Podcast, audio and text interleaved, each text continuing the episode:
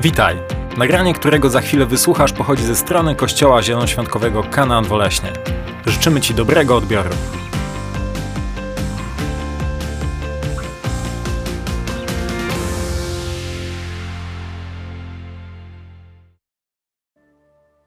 Witam Was wszystkich bardzo serdecznie.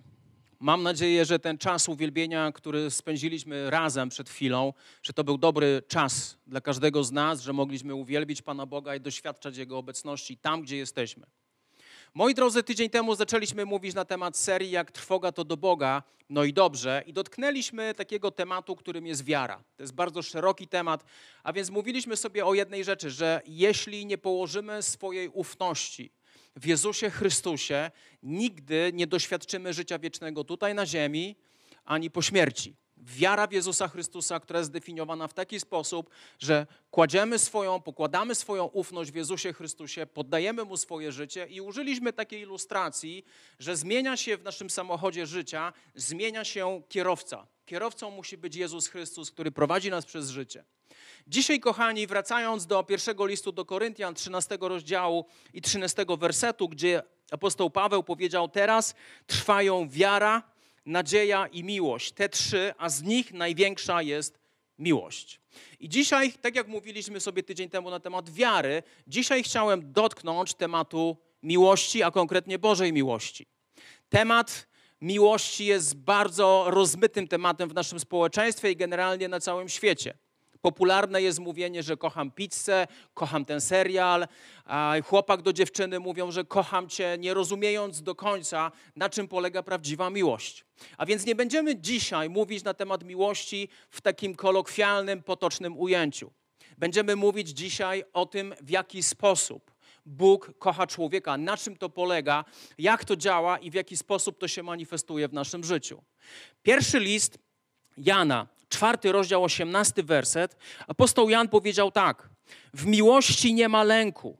Doskonała miłość go usuwa. Lęk bowiem łączy się z karą. Ten więc, kto się boi, wciąż nie jest doskonały w miłości. Jan mówi dosyć w radykalny sposób. Mówi o tym, że w miłości nie ma lęku i że doskonała miłość usuwa wszelki lęk. I dalej mówi, że jeśli ktoś się boi, nie jest doskonały w miłości. O czym mówi Jan?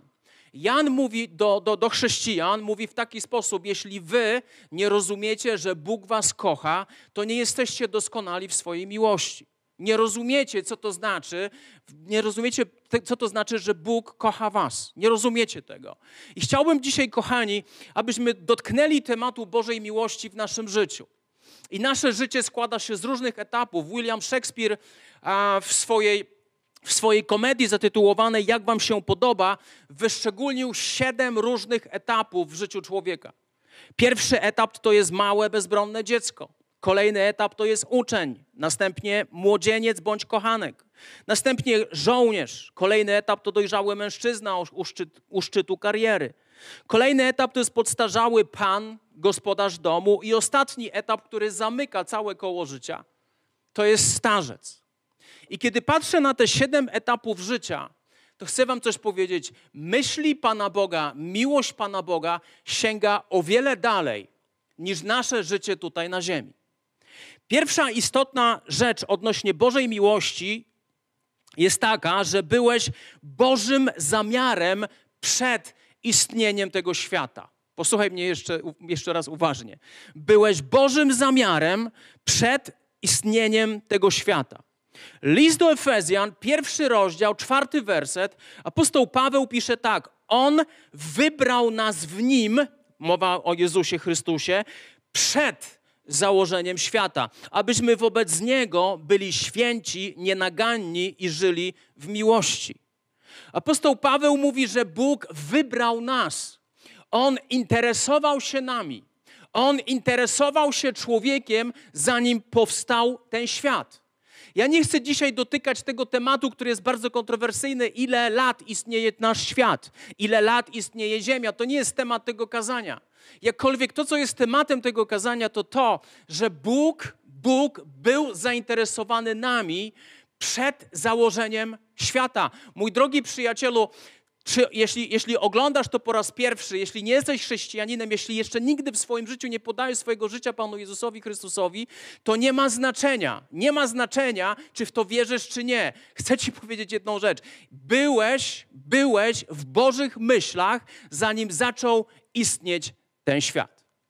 Druga rzecz jest taka, że byłeś Bożym obiektem zainteresowania w łonie Twojej matki. Kiedy się począłeś, Bóg przyglądał się Tobie. Bóg przyglądał się Tobie. Psalm 139, wersety od 13 do 16. Psalmista mówi tak: Ty sprawiłeś, że myślę i czuję. Utkałeś mnie w łonie mojej matki. Dziękuję. Dopracowałeś mnie w każdym szczególe. Cudowne są Twoje dzieła i moją duszę znasz dokładnie. Żadna moja kość nie uszła Twojej uwadze, żadna pojedyncza kość nie uszła Bożej uwadze. Choć powstawałem w ukryciu, tkany w głębiach ziemi.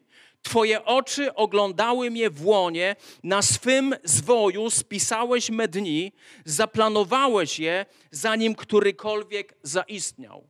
Psalm 139 mówi o pięknie stworzenia człowieka. Mówi o tym, że kiedy byliśmy płodem, kiedy zostaliśmy poczęci, Biblia mówi o tym, że Bóg planował, planował to, jak będziesz wyglądał, jaki będziesz miał charakter, jaki będziesz miał temperament. On ciebie utkał. On ciebie stworzył w bardzo, ale to bardzo precyzyjny sposób. I Biblia mówi o tym, on zna każdą kość w Twoim organizmie. A więc to, co chcę Ci powiedzieć, że byłeś Bożym obiektem zainteresowania, kiedy zostałeś poczęty. Nie mam, nie mam zielonego pojęcia, w jaki sposób zostałeś poczęty. Być może powstałeś w taki sposób, że nie planowano Twojego istnienia. Być może powstałeś w taki sposób, że twoi rodzice planowali twoje istnienie i bardzo chcie, chcieli tego i pragnęli, abyś zaistniał. To nie ma znaczenia. Znaczenie ma to, że Bóg widział cię w twoim łonie i w łonie, w łonie twojej matki i Bóg widział każdy pojedynczy element twojego organizmu. Co więcej, Biblia mówi o tym, że On na swoim zwoju, w swojej księdze spisał dni w Twoim życiu, On je wszystkie zaplanował, zanim którykolwiek z nich zaistniał.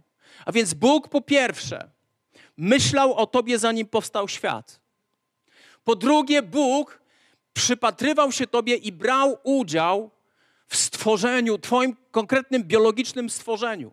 Kiedy byłeś w łonie swojej matki, Bóg się temu przyglądał i nie byłeś ani nie jesteś dziełem przypadku. Bóg zaplanował to, że się pojawiłeś na planecie Ziemia.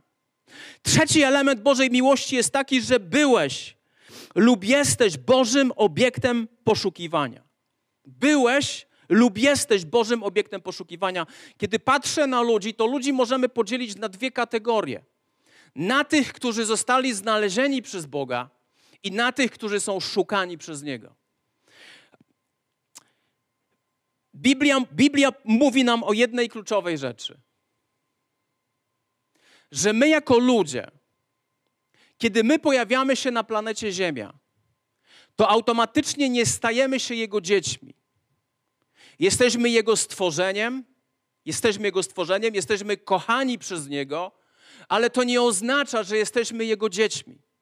Bóg zostawił nam wybór, czy chcemy być Jego dziećmi, czy nie chcemy być Jego dziećmi. To musi być nasz świadomy wybór. Jest takie prawo, którego Bóg nigdy nie naruszy. To jest prawo naszej wolnej woli. Od nas zależy. Od nas zależy, czy wybierzemy Pana Boga, czy nie będziemy chcieli z Nim żyć. Bardzo często jest tak, że, że Bóg jest dodatkiem w naszym życiu. Bóg, jeśli jest dodatkiem w Twoim życiu, to tak de facto go nie ma w Twoim życiu. Wyobraź sobie, gdyby, gdyby mąż albo żona, jeśli masz żonę, jeśli masz męża, jeśli, jeśli ty byłbyś tylko dodatkiem w swoim małżeństwie, nie. Żadna żona, żaden mąż nie chce, aby, aby, aby, być dodatkiem w małżeństwie. Chcemy być kimś niesamowicie istotnym i ważnym, i tak samo jest w relacji pomiędzy Bogiem i człowiekiem. Człowiek rodzi się, rodzi się jako Boże stworzenie, ale nie jest dzieckiem Boga. Co gorsza, kiedy czytamy historię na temat pierwszych ludzi Adama i Ewy, to ich pierwsze dziecko, które nazywało się Kain, Kain miał brata, który nazywał się Abel, to Kain pierwsze dziecko Adama i Ewy stało się mordercą. Kain zabił z zazdrości swojego brata Abla. To na dzień dobry pokazuje nam, że my jesteśmy ludźmi, którzy mają skłonność do grzechu. My jesteśmy ludźmi, którzy mają skłonność do grzechu. Nikt nas nie musi uczyć grzechu. Robimy to w naturalny sposób. W naturalny sposób łamiemy Boże przykazania. To to jest dla nas naturalne. Nikt nas nie musi tego uczyć. Księga Izajasza, 59 rozdział, drugi werset, Biblia mówi tak. To wasze winy są tym, co was oddziela od Boga. Wasze grzechy zasłaniają przed wami Jego oblicze, tak, że was nie słucha. To jest niesamowita prawda. Rodzimy się jako grzeszni ludzie. Rodzimy się z mentalnością i skłonnością do grzechu. I co gorsza, Biblia mówi o tym, Biblia mówi o tym, Boże Słowo mówi o tym, że ten grzech oddziela nas od Boga. My nie rodzimy się w relacji z Bogiem, my rodzimy się oddaleni od Boga przez naszą skłonność do grzechu. Dobra wiadomość, kochani, w tym wszystkim jest taka, to dopiero rozpoczynamy tą dobrą wiadomość, że druga księga Samuela, 14 rozdział i 14 werset Biblia mówi tak. Wszystkich nas czeka śmierć. Jesteśmy niczym woda rozlana na ziemię. Nie da się już jej zebrać. To jest, to jest ciekawy werset. Wszys, wszystkich nas czeka śmierć. 100 osób, na 100 osób 100 osób umiera. To się nie zmieniło i to się nie zmieni. Jesteśmy niczym woda rozlana na ziemię. Izajasz pokazuje naszą trywialność, naszą, naszą delikatność, to, że jesteśmy tak wrażliwi, że jesteśmy tutaj tylko na chwilę. I kiedy ta woda się rozleje, to nie da się już zebrać i zacząć od początku. Bóg natomiast, mówi Samuel, Bóg natomiast nie odbiera życia. Bóg nie jest Bogiem śmierci. On nie odbiera życia i co Biblia mówi dalej? Obmyśla on raczej sposoby, jak doprowadzić do tego, aby wygnany od niego nie pozostał wygnańcem. Człowiek rodzi się w oddzieleniu od Boga, ale Bóg nas tak nie zostawia. Bóg zaczyna nas szukać. Jego miłość, którą On ma względem nas, nie pozwala mu przypatrywać się tym, w jaki sposób bardzo często my żyjemy. Jego miłość nie pozwala, żeby grzech nas zniszczył, żeby grzech oddzielał nas od Boga, żeby grzech nas zniewalał. Jego miłość na to nie pozwala. I kolejny aspekt Bożej miłości jest taki: byłeś lub jesteś wielokrotnie, wielokrotnie pytany przez Niego, co z Nim zrobisz, co zrobisz z Jezusem Chrystusem. Księga Kaznodziei Salomona, trzeci rozdział, jedenasty werset. Wszystko uczynił pięknym w swoim czasie. Nawet wieczność włożył w ludzkie serca. Bóg włożył poczucie wieczności w serce każdego człowieka. Możesz się z tym nie zgadzać, ale nie uwierzę ci w jedną rzecz. Były takie momenty w Twoim życiu, kiedy myślałeś bardzo, bardzo głęboko na temat życia i śmierci. Były takie momenty w Twoim życiu, kiedy zastanawiałeś się, co będzie z Tobą, kiedy umrzesz. Były takie momenty w swoim życiu, że szedłeś na pogrzeb i naturalnie temat został Ci narzucony. rozmyślałeś, rozmyślałeś na temat swojego życia, co będzie z Tobą. Później próbowałeś to przyciszyć, ale to ciągle i ciągle wraca do nas, ponieważ poczucie wieczności zostało w nas umieszczone. To poczucie wieczności umieścił w nas Bóg i Bóg przez to poczucie wieczności cały czas próbuje mówić do nas. On cały czas próbuje mówić do nas. Cały czas próbuje zwrócić naszą uwagę, abyśmy my zwrócili naszą uwagę na Niego. To jest również wyraz Jego miłości, że On nie pozwala nam normalnie funkcjonować, tylko próbuje zwrócić naszą uwagę, abyśmy spojrzeli na Niego. Kolejny aspekt Bożej miłości, już piąty, to jest to, że byłeś i jesteś obiektem Jego prawdziwej i pełnej miłości. I teraz dochodzimy do tematu, co to znaczy prawdziwa i pełna miłość. Co to znaczy prawdziwa i pełna miłość? Czy Bóg ogranicza się w swojej miłości tylko do tego, że mówi, że nas kocha? Te wszystkie cztery fakty odnośnie Bożej miłości, to, że On myślał o Tobie przed założeniem świata, to, że On przypatrywał się temu, jak zostałeś poczęty, On kształtował Ciebie, możesz, możesz powiedzieć, to są wszystko Twoje domniemania. Jakie są fakty? I dochodzimy do jednego kluczowego faktu. Fakt jest taki, moi drodzy, że dwa tysiące lat temu na planecie Ziemia pojawił się sam Bóg, pojawił się Boży Syn, pojawił się Jezus Chrystus.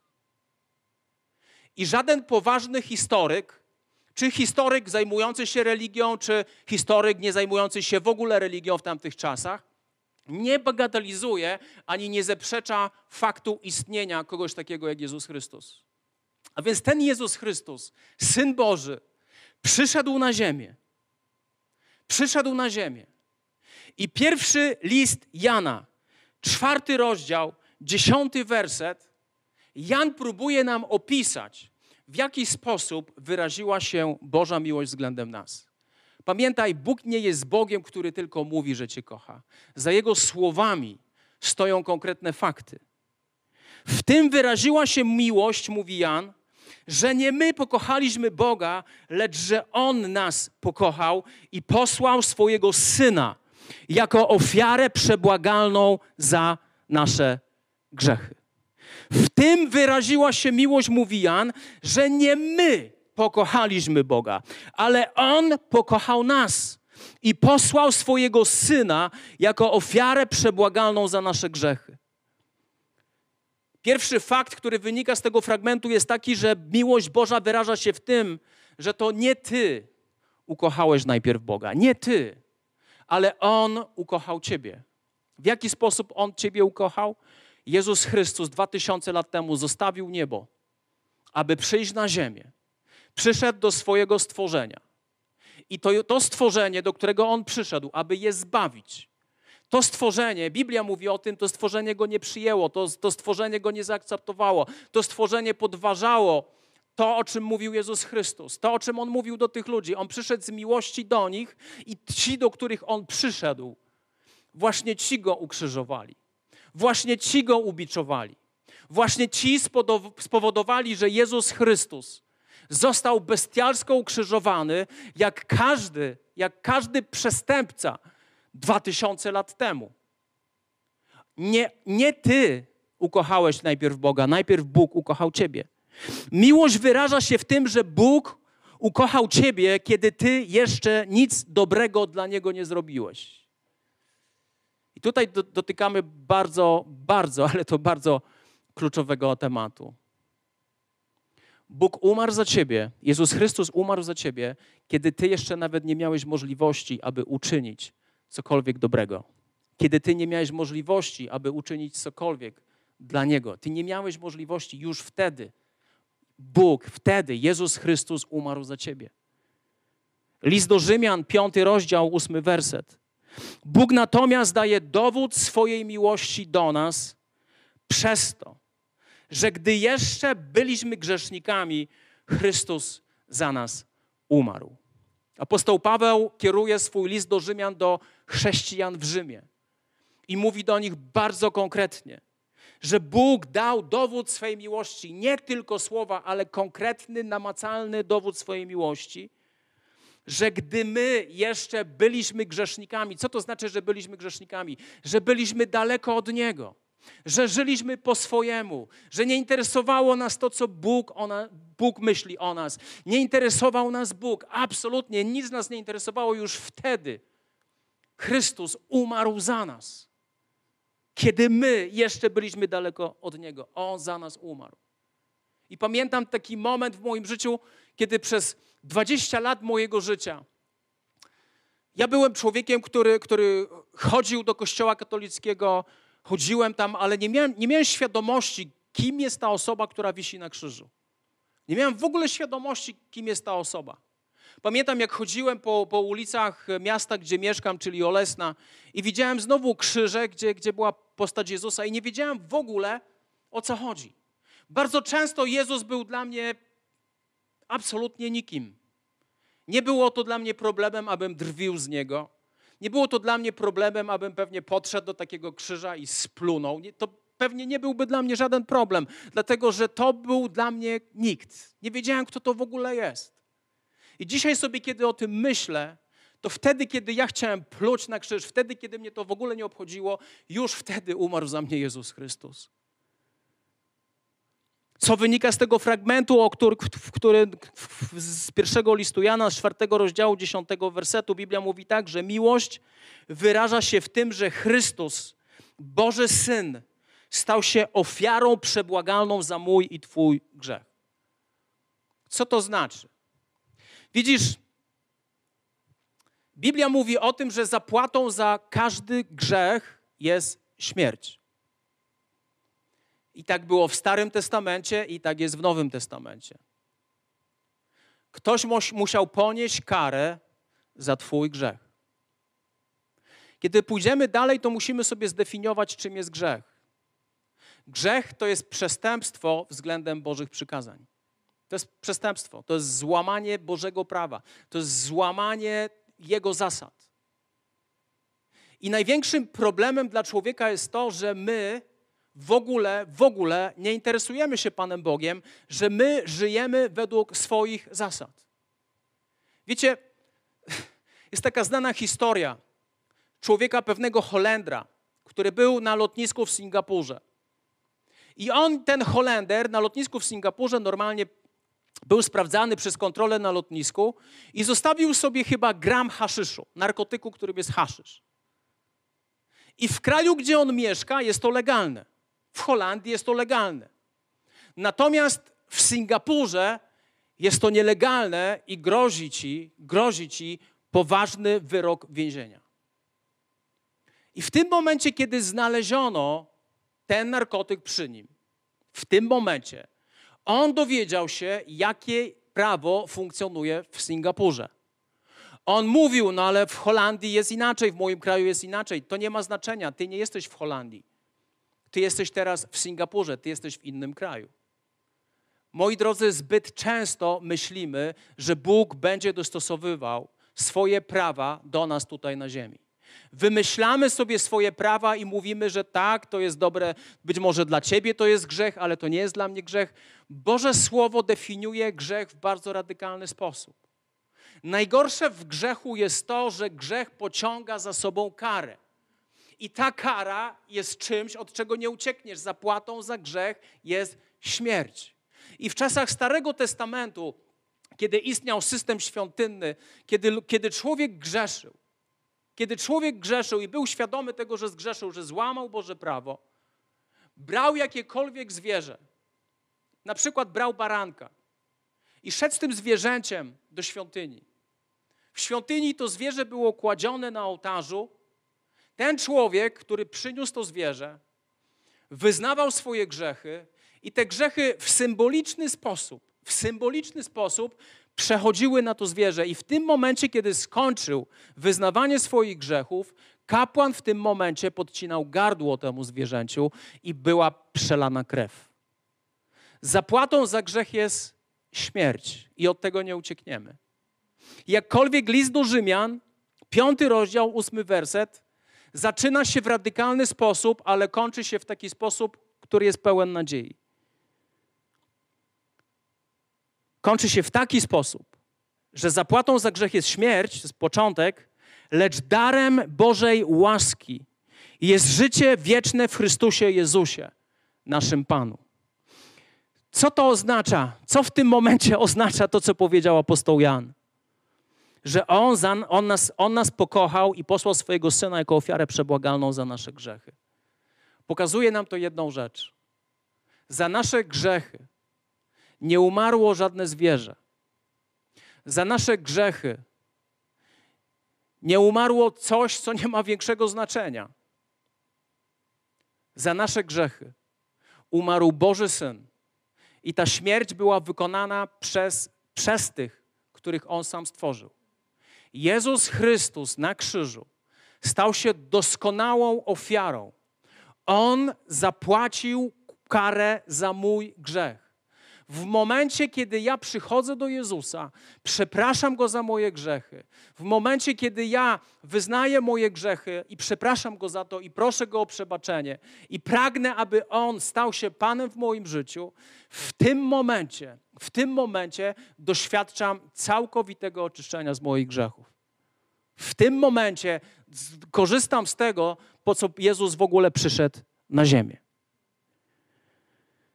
I kończąc tą historię, moi drodzy,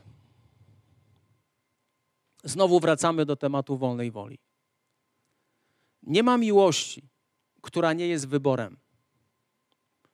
Miłość, która jest wyborem, traci swój sens. Miłość musi być naszym wyborem. Dlatego Księga Apokalipsy, Apokalipsy trzeci rozdział, dwudziesty werset. Znowu apostoł Jan przekazuje słowa Jezusa do kościoła w Laodycei i mówi tak. Oto stoję u drzwi, pukam, jeśli ktoś usłyszy mój głos i otworzy drzwi, wstąpię do niego i będę z nim ucztował, a on ze mną. Jezus mówi: Jeśli ktoś usłyszy mój głos, a ten głos możesz słyszeć bardzo często, to jest ten głos wieczności, którą Bóg umieścił w naszym sercu. To jest ten głos, który zadaje ci pytania, co będzie z tobą, jak umrzesz? Co będzie z tobą, jak umrzesz? Co będzie z tobą, jak umrzesz? Jeśli ktoś usłyszy ten głos i otworzy drzwi, Wstąpię do niego i będę z nim ucztował, a on ze mną. W 1853 i 54 roku pewien człowiek, który nazywał się Holman Hunt, angielski malarz, namalował pewien obraz. Ten obraz nazywa się Światłość świata. I w tym obrazie widzimy Jezusa, który puka do drzwi. I pewien człowiek, który oglądał ten obraz, zwrócił się do tego malarza i powiedział: Słuchaj, popełniłeś błąd. Ale gdzie popełniłem błąd? Mówi: Słuchaj, popatrz, tu nie ma w ogóle klamki. Tu nie ma w ogóle klamki. W tym momencie Holman Hunt powiedział: Tu nie ma żadnego błędu. Klamka jest tylko od wewnętrznej strony. Te drzwi można tylko otworzyć od wewnątrz. Nie można na zewnątrz ich wyszarpać. Te drzwi można otworzyć tylko od wewnątrz. Chcę powiedzieć Tobie dzisiaj to, co powiedział Chrystus do kościoła w Laodycei, w księdze Apokalipsy, w trzecim rozdziale i dwudziestym wersecie. Oto stoję u drzwi i kołaczę. Kto usłyszy mój głos i otworzę drzwi, wstąpię do Niego i będę z Nim ucztował, a On będzie ze mną. Od Ciebie zależy dzisiaj, mój drogi przyjacielu, czy zaprosisz Jezusa do swojego serca, czy zostawiasz Go ciągle poza drzwiami Twojego serca. Dopóki żyjesz, On nie przestanie pukać do Twojego serca. Tylko jest jeden problem. Jest jeden problem. Ani ja, ani ty nie jesteśmy w stanie zaplanować daty naszej śmierci, ani sposobu, w jaki umrzemy. Możesz nie mieć już tej szansy. Mój drogi przyjacielu, zachęcam Cię teraz do tego, abyś skorzystał z tej Bożej miłości. To nie są tylko słowa. To jest konkretna rzecz, konkretny fakt, który dokonał się w historii naszego świata. Syn Boży Jezus Chrystus przyszedł na ziemię i On stał się doskonałą ofiarą za mój grzech i Twój grzech. I Biblia mówi o tym, że nie ma nikogo sprawiedliwego, nie ma ani jednego człowieka, który by nie zgrzeszył. Jest tylko jedna osoba w historii świata, która nigdy nie zgrzeszyła, i tą osobą jest Jezus Chrystus. Dlatego On mógł stać się doskonałą ofiarą za życie grzesznych ludzi, takich jak ja i Ty. To, co teraz ja Tobie proponuję i oferuję, nie jest związane z żadnym kościołem. Tu nie chodzi o Kościół. Tutaj chodzi o to, co Ty zrobisz z Jezusem Chrystusem. Jeśli chciałbyś dzisiaj otworzyć swoje serce i powiedzieć: Panie Jezu, wejdź do mojego życia, bądź moim Panem. Bądź moim Panem, bądź integralną częścią mojego życia, nie tylko dodatkiem. Jeśli chciałbyś to dzisiaj uczynić, proszę, abyś pomodlił się ze mną. Taką krótką modlitwą. Wiecie, w modlitwach nie chodzi, aby one były piękne, aby one były poetyckie, aby był piękny język. Bóg zawsze słucha szczerego serca, a nie pięknych słów. Jeśli to, w jaki sposób ja będę się modlił, jest pragnieniem Twojego serca, pragnieniem Twojego serca jest Twoim wyborem, to proszę powtórz za mną tą modlitwę. Panie Jezu, ja przychodzę do Ciebie i otwieram dzisiaj moje serce dla Ciebie.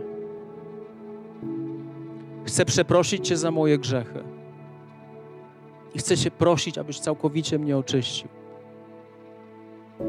Jezu, ja nie chcę, abyś Ty był dodatkiem w moim życiu, ale ja chcę, abyś Ty był prawdziwym Panem w moim życiu. Jezu, prowadź mnie. I dziękuję Ci za to, że Twoje słowa o tym, że Ty nas kochasz, zostały udowodnione i potwierdzone na krzyżu, kiedy umarłeś za mnie. Wyznaję to dzisiaj moimi ustami, że Jezus Chrystus jest moim Panem. Amen. Amen. Jeśli to zrobiłeś w szczery sposób, to chcę Ci powiedzieć to, co, o czym mówi Biblia. W tym momencie, w tym momencie zostałeś zbawiony. W tym momencie Bóg przebaczył Ci Twoje grzechy i w tym momencie Duch Święty zaczął mieszkać w Twoim sercu i stałeś się Jego własnością. Boża miłość, kochani, jest bardzo praktyczna. Ona była i jest na każdym etapie Twojego życia. I do momentu, dopóki nie znałeś, nie poznałeś Jezusa Chrystusa, nie poddałeś Mu swojego życia, Bóg robił wszystko, aby Cię znaleźć. A kiedy Cię znalazł, jesteś Jego dzieckiem, jesteś Jego synem, jesteś Jego córką i On od tego momentu będzie się troszczył o Ciebie, będzie Cię ochraniał i będzie Cię prowadził. Kochani, niech Bóg Was błogosławi i pamiętajmy, że to, że On nas kocha, to, że On nas kocha, to nie jest jakiś frazes, ale to jest fakt, który dokonał się 2000 lat temu. Jeśli poruszyło Cię to, co słyszyło, słyszałeś, to za chwilę mój przyjaciel Wojtek chciałby poświęcić jeszcze Tobie dwie minuty. Wysłuchaj tego, co on ma do powiedzenia. Chcemy pomóc Ci w tym, abyś rozwijał swoją relację z Jezusem Chrystusem, która rozpoczęła się właśnie dzisiaj, kiedy podałeś Mu swoje życie. Życzę Wam dobrego tygodnia, do zobaczenia. Niech Bóg Was błogosławi. Zostańcie z Bogiem. Witam Was w pokazaniu. Wierzę, że są między nami osoby. Jeżeli dzisiaj jesteś jedną z tych osób, która modliła się na zakończenie, aby powierzyć swoje życie Jezusowi Chrystusowi, to chcemy Ci pogratulować oraz wesprzeć Cię w tej decyzji i w rozwijaniu relacji z Bogiem. Zapraszamy Cię do kontaktu. Formularz kontaktowy możesz znaleźć na stronie e, kanaan.pl w zakładce kontakt. Możesz napisać na Messengerze. Jakkolwiek to zrobisz, e, zapraszamy Cię, ponieważ chcemy Cię wspierać w rozwijaniu relacji z Bogiem. Jako Kościół przygotowujemy również kolejne materiały i kolejne transmisje, tak byśmy mogli być gotowi na każdą ewentualność, więc zapraszamy Was do śledzenia naszych mediów społecznościowych: Facebook, Instagram, YouTube oraz Spotify, gdzie znajdziecie wszystkie wcześniej emitowane i dostępne kazania, które były głoszone w naszym kościele, więc zapraszamy Was e, do tych miejsc, do śledzenia. E, za tydzień najprawdopodobniej, jak wspomniałem, kolejna transmisja, więc bądźcie z nami, przekażcie informacje o tej transmisji Waszym znajomym. To, to nagranie zostanie z nami, więc można je udostępniać również w trakcie tygodnia dla osób, które wcześniej nie miały możliwości, aby je zobaczyć. Dziękuję Wam za dzisiaj i życzymy Wam udanego tygodnia. Do zobaczenia.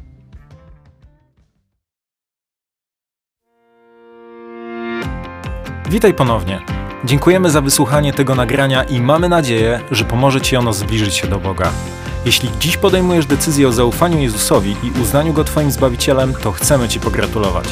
Modlimy się o Boże działanie w Twoim życiu i zapraszamy Cię serdecznie do Kanaanu, ponieważ wierzymy, że Kościół, czyli wspólnota wierzących ludzi, to najlepsze miejsce do wzrostu i rozwoju duchowego. Szczegóły dotyczące naszych spotkań znajdziesz na stronie www.kanan.pl oraz w naszych mediach społecznościowych.